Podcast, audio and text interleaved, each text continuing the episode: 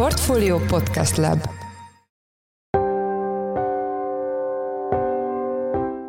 Mindenkit üdvözlünk, ez a Portfolio Checklist február másodikán csütörtökön. A mai műsor első témája az lesz, hogy egy új EU-s rendeletre reagálva a magyar kormány elkülönítené a rovar fehérje tartalmú élelmiszereket a hazai boltok polcain. A rovarok élelmiszeripari felhasználásáról Braunmüller Lajost, a Portfolio agrár szakújságíróját kérdeztük. Egészségügyi és fenntarthatósági szempontból is ezek egészen kiváló élelmiszerek. Na most persze természetesen Európában ezek viszonylag újszerűnek hathatnak, biztos vagyok benne, hogy a kulturális okokból nagyon sokan ezt elutasítják, nem akarnak ilyeneket tenni, de egyébként teljes mértékben biztonságosak, egészségesek és jóval kisebb környezetterhelés mellett lehet előállítani ezeket, mint mondjuk például húsokat vagy más alternatív fehérje forrásokat. Az adás második részében arról lesz szó, hogy a háború kitörése óta drasztikus mértékben csökken az orosz szállítás részaránya az Európai Unió gáz importjában, Magyarország esetében viszont mintha jóval lassabb lenne az orosz energiafüggőség felszámolása. Ezzel kapcsolatban Weinhardt Attila, a portfólió energiaügyekkel foglalkozó elemzője volt a vendégünk. Én Forrás Dávid vagyok, a Portfólió Podcast Lab szerkesztője, ez pedig a checklist február másodikán.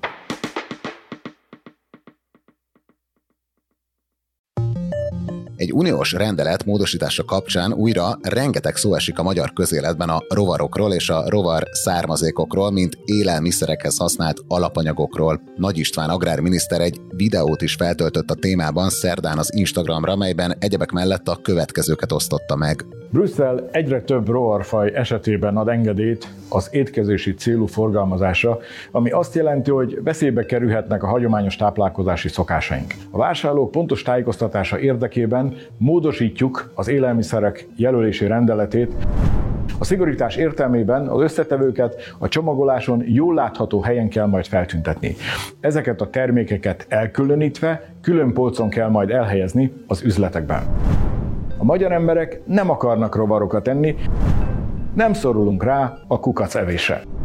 Ezzel és a hasonló provokatív döntésekkel az Európai Bizottság a hagyományos európai életformánkat, értékrendünket és kultúránkat sodorja veszélybe a rovarok, illetve a rovar származékok élelmiszeripari alkalmazásával kapcsolatban. Itt van velünk telefonon Braun Müller Lajos, a portfólió agrár szakújságírója. Lajos, üdvözöllek a műsorban. Szia, én is üdvözlöm a hallgatókat. Kezdjük ott, hogy miért kapta fel most megint a, a nyilvánosság a, a rovartartalmú élelmiszerek kérdését. Január utolsó napjaiban az Európai Bizottság egy újabb novel foodot, egy újabb tételt tett fel arra a listára, amit lehet forgalmazni Európában, tehát emberi fogyasztásra alkalmas. Ez a házi tücsök testének a porítása, tehát a házi tücsök liszt magyarul. Vannak ennek előzményei, tehát ez a dolog időről időre előfordul, hogy egy-egy újabb tételt felvesznek, és akkor ugye általában elindul erről a közbeszéd. Én ott kezdeném, hogy ha egy kicsit visszább megyünk, nem, nem akarom nagyon részleteiben menve elemezni a dolgot, de hogy 2015-ben hozott az Európai Unió egy olyan szabályozást, szabályozást, amit minden tagállam elfogadott. Ez az úgynevezett novel food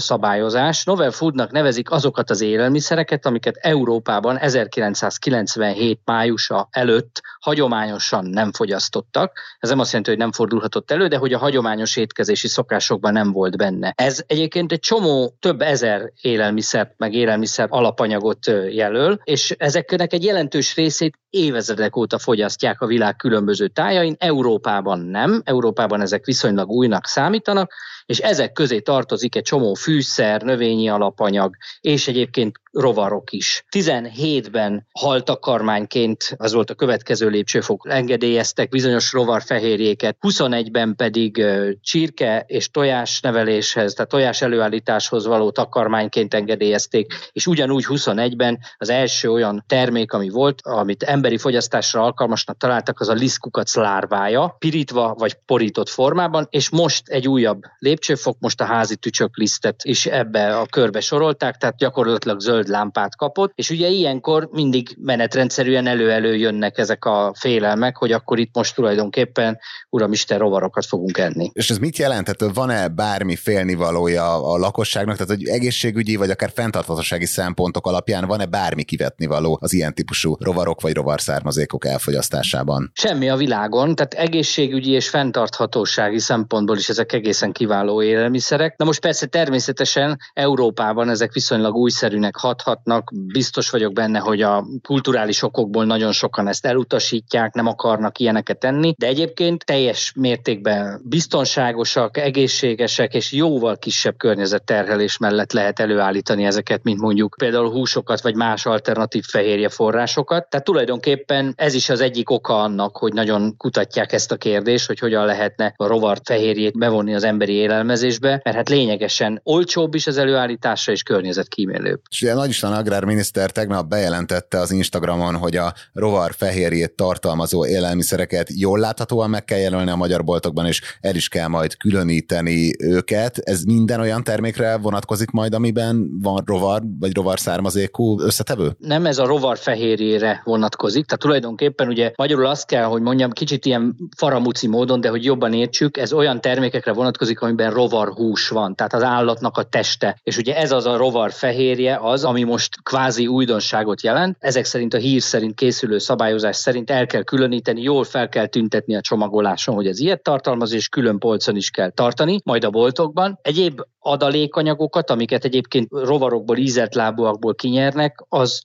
széles körben használ az élelmiszeripar ma is, tehát ilyen élelmiszereket azért fogyasztunk most is. Az egy másik téma, ott ugye nem a fehérjéről van szó, hanem egyéb anyagokról. És egyébként mi a különbség a között, hogy valamiben rovar fehérje van, vagy más rovar eredetű összetevő? Itt például beszéltünk az E120-ról, a valódi kármínról, ami számos népszerű magyar élelmiszerben benne van, és ugye, hogyha jól értem, akkor a tervezett szabályozás szerint ezek ezeket nem kell majd elkülöníteni a, a boltokban. Mi a különbség a között, hogy mondjuk valamiben ilyen valódi kármint tesznek, vagy rovarfehérjét? Hát ez ugye egy érdekes kérdés. Én azt gondolom, hogy alapvetően itt gusztus dolga a különbség, és azt gondolom, hogy alapvetően készülő szabályozás is ezt tartja szem előtt, hogy például az ezeket a nagyon spéci színező anyagokat, amiket különböző ízelt lábúakból nyernek ki, nagyon-nagyon nehéz mással helyettesíteni, míg a rovar fehérjét elvben ugye lehet helyettesíteni más állati eredetű fehérjeivel, mondjuk sertéshússal, csirkehússal.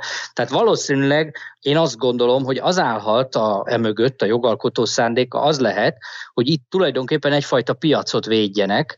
Na most olyan értelemben nincsen különbség táplálkozás élettanilag. Nyilván ugye a fehérje meg az egyéb színezőanyagok egészségügyi hatása között van különbség, tehát olyan értem, hogy a fehérje az, ami ugye építi a testemet, tehát azzal tudok jól lakni, a színezőanyaggal nem. De hogy olyan értelemben nincs különbség, hogy végül is rovarból származik egyik is, meg a másik is. Tehát, hogy mondjuk, hogy ha azt nézzük, hogy valaki esetleg kijelenti, hogy ő az ő gusztusába, az ő lelki világába nem fér bele az, hogy rovarokat egyen, akkor nem csak a rovar fehérjét kellene elkerülnie, hanem mondjuk ezeket a rózsaszín joghurtokat, jégkrémeket, különböző húskészítményeket is. Tehát azért ezeket fogyasztjuk, és egyébként meg hát két milliárd ember eszik különböző rovarokat vagy rovar származékokat a világon, körülbelül 30 ezer éve, tehát hogy tulajdonképpen bajunk nem lesz tőle, tehát ezek úgy így nekünk újak, mint európai embernek, de egyébként ezek azért elterjedt élelmiszerek voltak különböző formákban, különböző korokban. És akkor szintézisül azért valamennyire kijelenthetjük, hogy ettől az újonnan engedélyezett, tehát erre a Novel Food listára most felkerült rovartól nem várhatjuk azt, hogy ez teljesen letarolja a magyar élelmiszerpiacot. Én biztos, hogy nem számítanék ilyesmire, tehát ez inkább egy vihar egy pohár vízben. Tulajdonképpen itt arról van szó, hogy a rovar fehérjék nagyon jó lehetőséget jelentenek arra, hogy mondjuk fenntartható módon állítsunk elő fehérjét. Biztos vagyok benne, hogy valamilyen szinten el fog terjedni. Én azt gondolom, hogy Európában leginkább a takarmány célú hasznosítása fog elterjedni a rovarfehérjéknek, aminek több előnye is lenne. Például rögtön az, az első legfontosabb előnye az az lenne, hogy nem kellene Brazíliában kivágni az őserdőket, adott esetben megölni az indiánokat, hogy elvegyék a földjüket, ott szóját termeszteni, majd a szóját behajózni Európába, és ezzel letetni azokat az állatokat, amiket most eszünk. Tehát, hogyha egy alternatív fehérje forrás találnánk a takarmányozásba, annak szerintem nagyon komoly környezeti hatása lenne, és azért még annyit hadd tegyek hozzá személyes emléket, hogy a legfinomabb leveseket azokból a tyúkokból ettem, amik nagyanyám kertjébe kapirgáltak, hát ők összeszedték a rovar fehérjét ott, tehát ugye szorgalmas kapirgál egy tyúk. Tehát, hogy nem kell ettől sem megijedni. Az emberi táplálkozásban, Európában én azt gondolom, hogy nagyon-nagyon sokáig egy kuriózum lesz a rovarfehérje, egyfajta érdekesség, előfordulhatnak majd tücsöklisztből készült kekszek, adott esetben előfordulhatnak drága éttermekben, egy-egy ilyen fancy fogás, étel, én azt gondolom, hogy tömegesen nem fog elterjedni. Tehát az, hogy rovar fehérjével pótoljuk a csirkehúst és a sertéshúst, ettől szerintem nem kell Európában félni még nagyon-nagyon sokáig. Jó, és itt a vége még egy dologról beszéljünk mindenképpen. Most jelent meg az Alapvetés című podcastünk, a portfólió saját névre hallgató podcast csatornán, tehát nem a checklisten. Ugye az Alapvetés az egy agrár és élelmiszeripari műsorunk, aminek te vagy a műsorvezetője. Itt most miről szól a legfrissebb adás, és ki a vendéged? Petőházi Tamással, a Gabona Termesztők Országos Szövetségének elnökével beszélgettem nemrégiben az Agromas Expon, ott kitelepült standunk volt, és egy ilyen kitelepült stúdiónk, és a szántóföldi növénytermesztésnek a versenyképességi kérdéseit boncolgattuk. Ugye hát ebben a témában alapvetően Magyarország nagyon jó, tehát szántóföldi növénytermesztésben elég jó adottságaink vannak, meg jó eredményeink is, de ezek mintha változnának. Hát mindenek előtt ugye klimatikus okokból, tehát a klímaváltozás egy nagyon komoly kihívást jelent, ez ugye 2022-ben láthattuk sajnos, és piaci változások is beindultak, amelyeket részletesen elemzünk ebben a műsorban, és ugye hát kiderül a műsorból, hogy annyira már nem kényelmes azért szántóföldi növénytermesztésbe vágni Magyarországon. Trendszerűen ez egyébként egyre inkább veszít a versenyképességéből, de hát azért fenntartható ez, és lehet ezt jól csinálni. Petőházi Tamás el is mondja azt, hogy mit kell ahhoz tenni, hogy ez eredményes legyen a jövőben is. Jó, tehát ez a műsor megtalálható a Portfolio, saját névre hallgató Portfolio elnevezésű podcast csatornáján, bármelyik nagy podcast felületen, Spotify-on, Apple Podcast-en, mindenhol fenn van. Hát nagyon szépen köszönjük itt az elemzésedet erről a témáról. Az elmúlt percekben Braun Müller Lajos a Portfolio agrár szakújságírója volt a checklist vendége. Lajos, köszönjük, hogy a rendelkezésünkre álltál. Én köszönöm, sziasztok!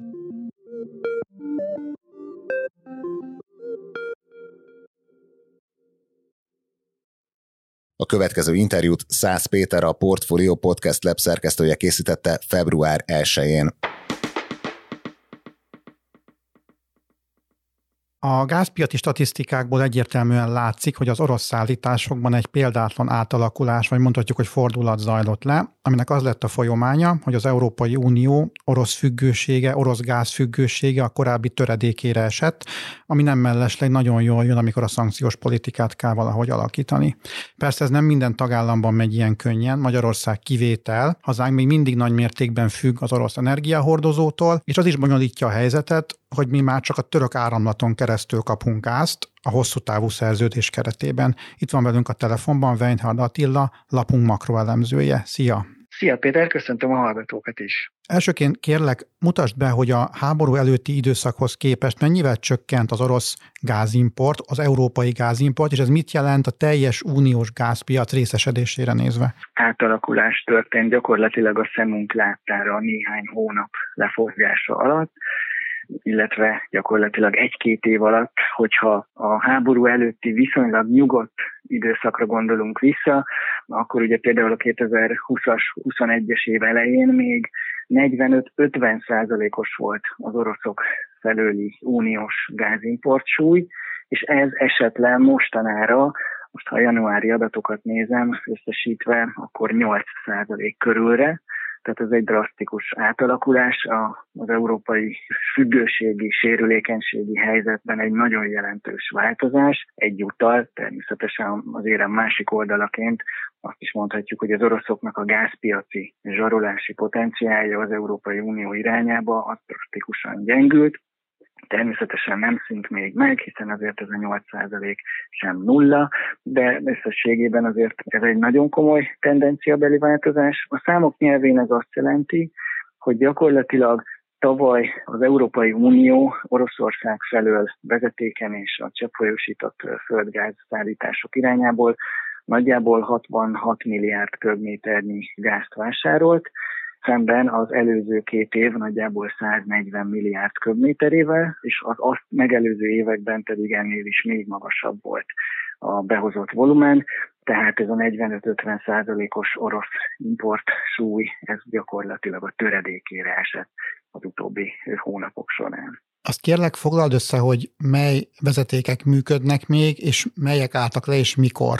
Ennek a drasztikus átalakulásnak a döntő részét, gyakorlatilag a teljes egészét azzal lehet összefüggésbe hozni, hogy a tavalyi év során a négy legfontosabb orosz gáz import vezetékből kettő az teljesen leállt. Az egyik ugye már május során a Jamal Európa vezeték, ez Fehér Oroszországon, Lengyelországon keresztül Németországba vezet, itt tehát lassan-lassan egy éve nem iránylik nyugati irányba nettó gázforgalom, a, és ezt követően a nyári húzavona és az adok-kapok mentén az északi áramlat egy vezeték is teljesen leállt, ugye ez közvetlenül Oroszországból Németországba szállít gázt a tenger alatt. Szeptember elejére teljességgel leálltak a szállítások, majd ezt követően ugye történtek a robbanások a, a tengerben, így gyakorlatilag ennek az északi áramlat egynek mindkét vezetékje megsemmisült, és az északi áramlat kettő, amely hát elkészült fizikailag, de még üzemben nem helyezték, abból pedig az egyik vezeték is. Nem csak hogy megsérült, hanem gyakorlatilag felrobban, így gyakorlatilag egyetlen vezeték fekszik még a tenger alatt ezen az útvonalon, de a jelenlegi állapot szerint ez sem fog már üzemelni, tehát maradt lényegében az oroszoknak az ukrajnai tranzitja, itt is sokkal-sokkal kevesebb gáz érkezik az Európai Unió területére, a szlovákiai belépési ponton keresztül, mint a korábbi éveknek a, a, a tapasztalata. Most éppen napi 25 millió köbméter, előtte ez sokkal jelentősebb volt, 60-80 millió köbméter, és a, amit említettél a bevezetőben is, és ez Magyarország szempontjából is egy rendkívül fontos fejlemény, hogy a török áramlat az továbbra is üzemel, egyelőre zavartalanul. Ez ugye Törökországon, Bulgárián és Szerbián át lép be a magyar határra, kis Kundorozsmárral, tehát a déli határnál, és itt is most éppen napi 25 millió köbméter körüli az a mennyiség, ami a török áramlaton áramlik, és ebből Magyarországra most pont a nagyjából 10 millió köbméter érkezik, és így lényegében az orosz-magyar hosszú távú gázszerződésből ezen az útvonalon keresztül teljesítik csak az oroszok a leszerződött mennyiséget, ez évi 3,5 milliárd köbméter, és ahogy említettem, az északi áramlatnak a tavaly szeptemberi leállása óta azon a vezetékpáron keresztül nem tudja teljesíteni az orosz fél a magyar szerződést, így tehát ez azzal a kockázattal jár, hogy gyakorlatilag évi 1 milliárd köbméterrel alul teljesítik a szállításokat majd az oroszok. Mielőtt áttérnénk a speciális magyar helyzetre, egy kicsit az LNG-ről beszéljünk. Kérlek, honnan tud Európa cseppfolyós gáz beszerezni, és mik ennek a, a gátjai? Igen, ezzel a drasztikus vezetékes alapú orosz gázimport visszaszorulással együtt, ugye az egy markáns folyamat, hogy a cseppfolyósított földgáz megoldás irányában pedig egy felpörgés mutatkozik. És a számok nyelvén érzékeltetjük, akkor itt ezen a négy említett vezetékpáron a háború előtti nyugalmi időszakban naponta 300, akár néha 400 millió köbméternyi orosz gáz érkezett, és ez most, mivel már csak ez a két vezeték működik, amit említettem, ez 50 millió köbméterre zuhant, tehát ez az a hatalmas visszaesés, ez gyakorlatilag 80% körüli visszaesés, amely bekövetkezett, és ezt próbálja ellensúlyozni az LNG importnak a felfutása. Itt egy pici növekedés az oroszok felőli uniós LNG importban is látszik. Most az ő szállításuk havonta nagyjából másfél milliárd köbméter az uniós LNG piacon. A havi összes uniós LNG import az most a legutóbbi adat szerint 12 milliárd köbméter, tehát itt egy kis súlyuk még azért van, de itt a legnagyobb felfutás az az Egyesült Államok felőli szállítások voltak.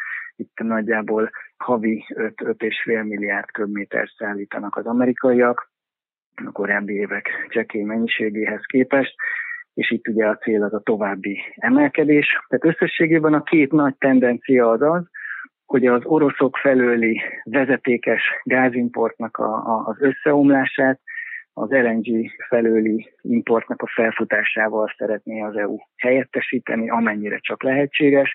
Nyilván itt ugye a globális LNG piacon azért kínálati korlátok vannak, az amelyeket nem könnyű és nem egyik napról a másikra lehetséges oldani, de zajlanak a jelentős beruházások, mind az exportőrök oldalán, mind pedig a fogadók oldalán. Gyakorlatilag Európa tengerpartjainál már ugye ezért a meglévő és jelentős LNG fogadó kapacitást is további jelentősen bővíti az EU különböző tagállamai.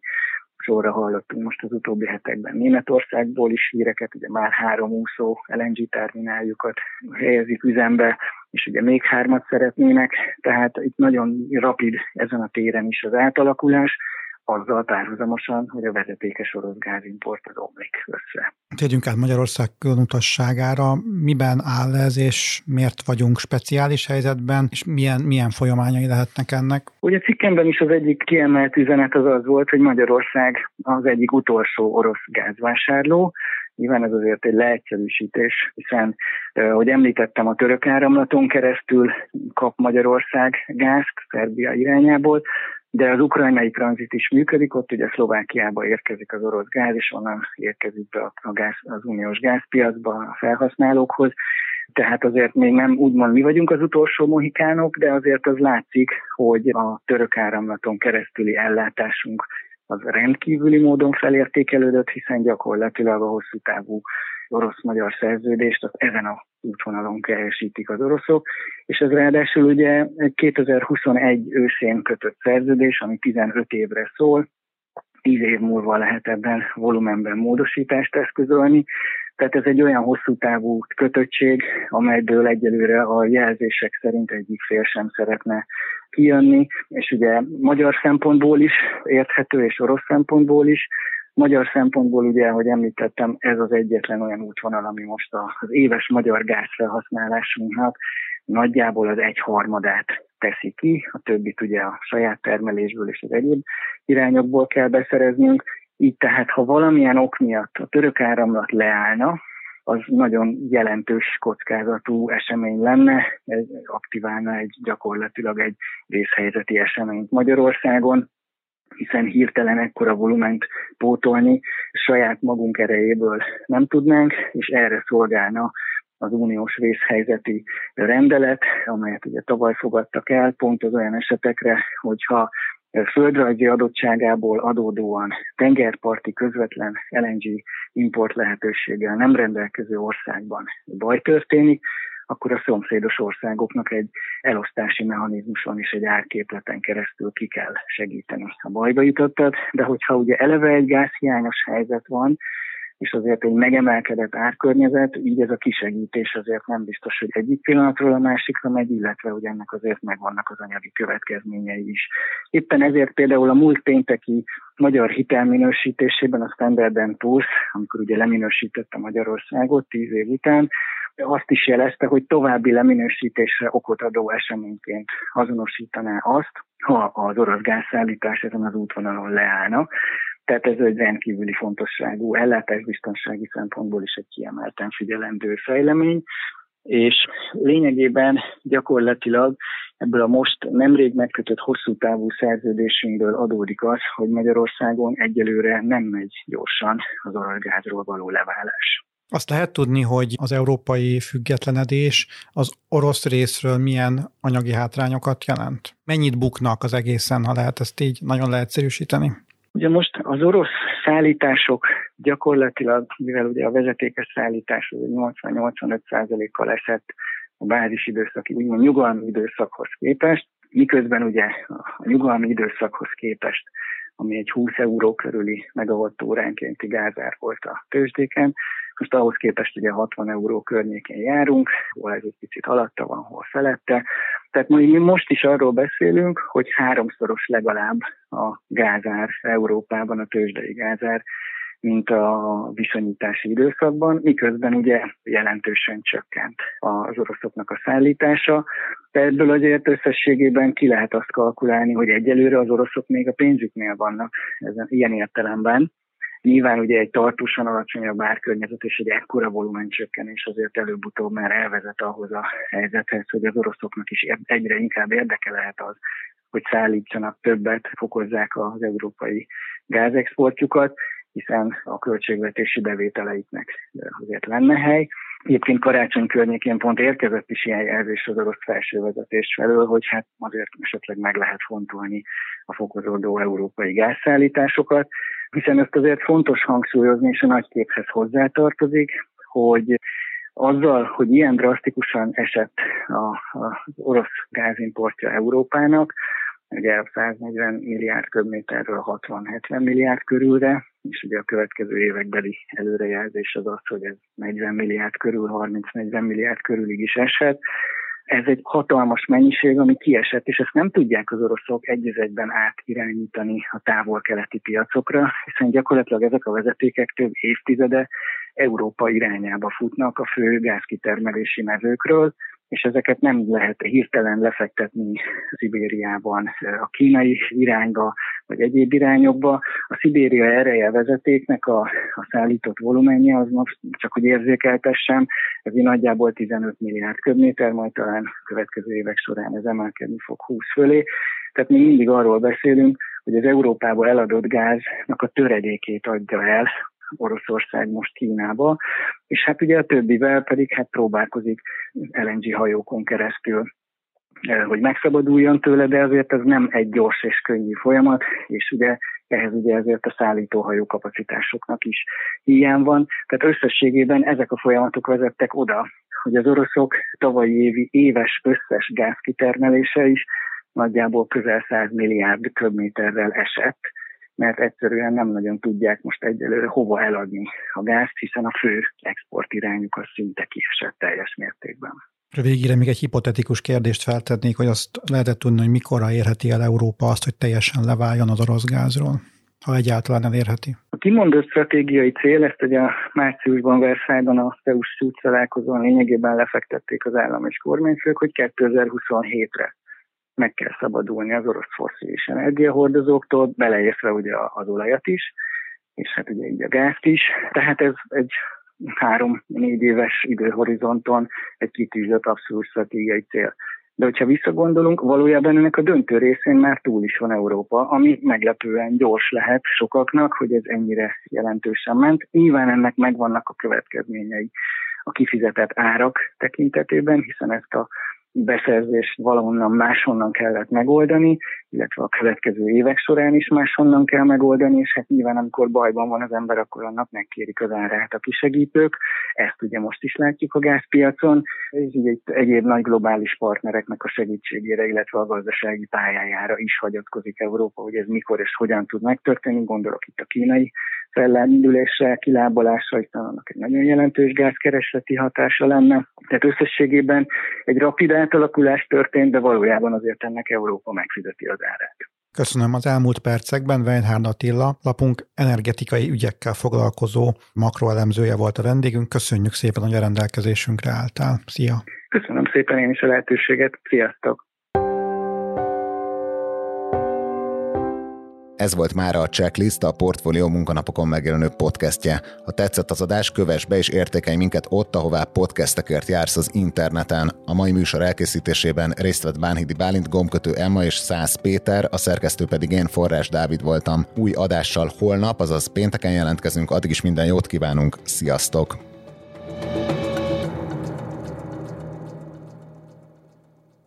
Reklám következik.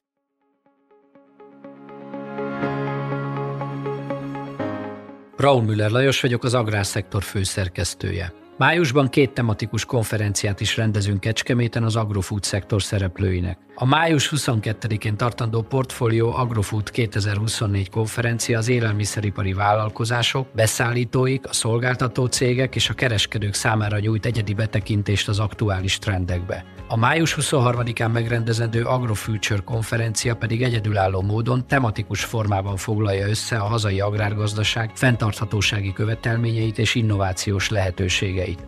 Jöjjön elő is, részletek és jegyek a portfolio.hu per rendezvények oldalon.